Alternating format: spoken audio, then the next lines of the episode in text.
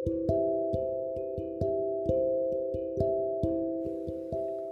akhirnya, semua tercurahkan di sini. Semua tentangmu. Saya tidak tahu perasaannya sebenarnya gimana terhadapmu. Perasaan suka atau hanya sekedar obsesi?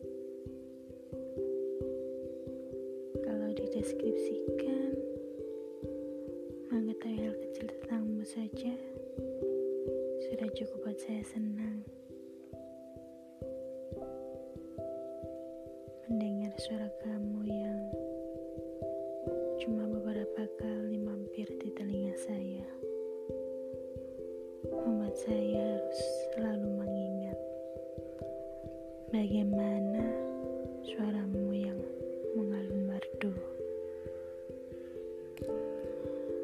Mengingat kembali momen di mana kamu pertama kali memperkenalkan dirimu, menjadikan sosok yang sangat saya kagumi saat itu.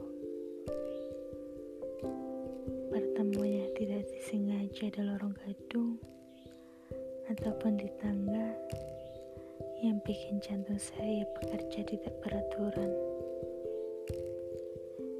tentang saya yang hanya bisa diam ketika bertemu dengan kamu, atau tentang bagaimana saya selalu ingin mengetahui keberadaanmu.